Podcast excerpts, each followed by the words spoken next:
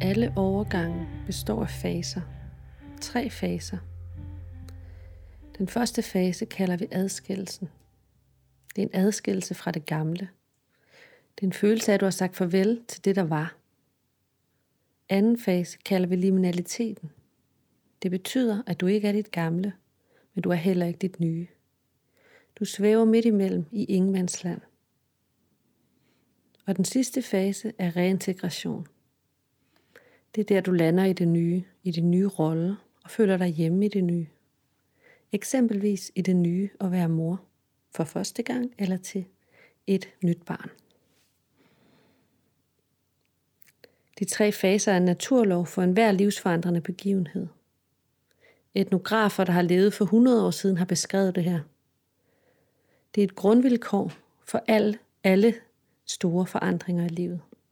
Uanset hvilket samfund man ser på, om det er gamle stammesamfund eller moderne store byer, så består store begivenheder i menneskets liv af de her tre faser. Det er en bevægelse, som vi alle sammen tager flere gange i livet. Og det er en grundregel i begivenheders rytme. Adskillelse, liminalitet og reintegration. Som moderne mennesker, der har travlt og er vant til at skulle præstere hele tiden, glemmer vi nogle gange den her gamle visdom. Og jeg vil gerne minde dig om, at du er midt i en transformationsproces. Og derfor er det vigtigt at give sig tid og lov til at opleve de her transformation, transformationsfaser og dens ekstremer. Lad mig fortælle dig lidt om de forskellige faser. Den første fase i din transformation er adskillelse. At sige farvel. At turde give slip. Rydde op. Og turde mærke det, der var. Sive gennem fingrene på dig, uden at du rigtig kan gøre noget ved det. Som sand, der blæser væk i vinden, uden du kan kontrollere det. Lad os sige, at du var en larve. En larve, der levede på et grønt blad, hvor du spiste og sov og skid. Hvor du mærkede solen på din ryg, og hvor livet var lige der på det grønne blad. Der hørte meningen med det hele hjemme. Det var det gamle. Den her lav elskede måske at gå i byen og feste, at se sine veninder på alle mulige tider af døgnet, at have tid til sin elskede, at have frihed til at gøre lige, hvad den ville, til at arbejde hårdt igennem i perioder, til at fordybe sig og give sig hen i forskellige henseender. Og så skete der noget. Laven blev til en puppe. Den vidste ikke helt, hvad det var, der skete. Det kunne virke klaustrofobisk og samtidig uundgåeligt. Som en undergang. Som en transformation, der var farlig og indelukket og uforudsigelig på samme tid. Her var larven hverken larve, den var heller ikke sommerfugl. Den var ingenting. En puppe. Den havde mistet alt. Den var ikke levende, og den var ikke død. Det er din anden fase i transformationen. Du er i ingenmandsland. Da jeg blev mor, så troede jeg, at jeg var mor med det samme. Jeg troede, jeg skulle kunne finde ud af det hele med det samme. Men jeg vidste ikke, at jeg var hverken levende eller død. Jeg var ikke nogen. Ikke nogen som helst. Jeg var et symbol. Et medie for andres forventninger. For et barns behov. Jeg var slet ikke mig. Jeg var bare mor. Ikke andet end mor. Kun mor. Måske fortæller nogle stemmer dig i dit liv, at dit identitetsløse mormærke er en ære. Måske siger stemmerne, at mor er så vigtigt, fordi mor sørger for fremtiden. Mor har status, og derfor holder de måske øje med dig. De vil gerne fortælle dig, hvordan du skal gøre det, hvornår og hvorfor. Men når de siger, at en god mor er en lykkelig mor, så skal du ikke tro dem.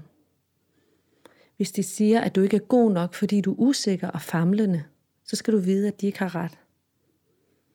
De har ikke ret, fordi du er en forpuppet larve, en larve, der engang levede på et blad, og som nu er død. Dine vinger er ved at vokse ud af ryggen, mens du ligger inde i puppen. Det kan godt gøre ondt. Måske mærker du vrede over at miste kontrollen. Måske vrede, mærker du vrede over, at det ikke var, som du troede. Vrede over, at du ikke, passe, du ikke føler dig passet på. Måske mærker du sorg. Sorg over at være alene.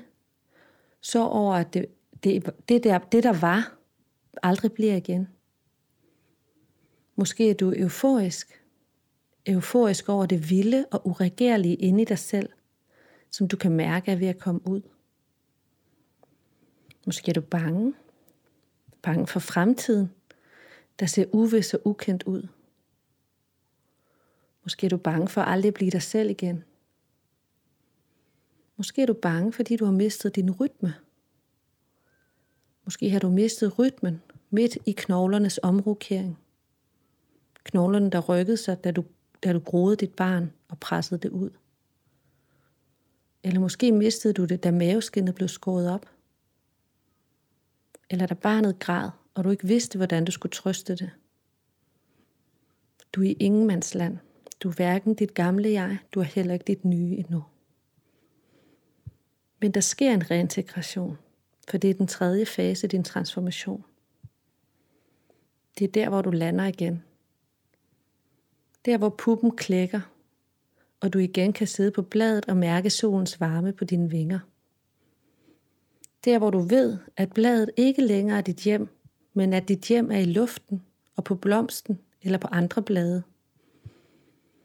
Der, hvor du sidder på bladet og mærker solen, og at livet er blevet både større og mindre på samme tid. Der, hvor det er okay, at det er blevet det. Du kan mærke, at du ikke holder vejret, som du gjorde på tidspunkter inde i puppen. Du kan trække luft igen og mærke dine celler slappe af. Du er der, hvor spørgsmålet om, hvorvidt du spæltmor eller karrieremor ikke længere er så væsentligt. For du kan lukke øjnene og trække skuldrene ned igen. Der, hvor du kan sige til dem, der spørger, at du er mor. Uden at du selv er i tvivl om, om du egentlig er værdig til at være det.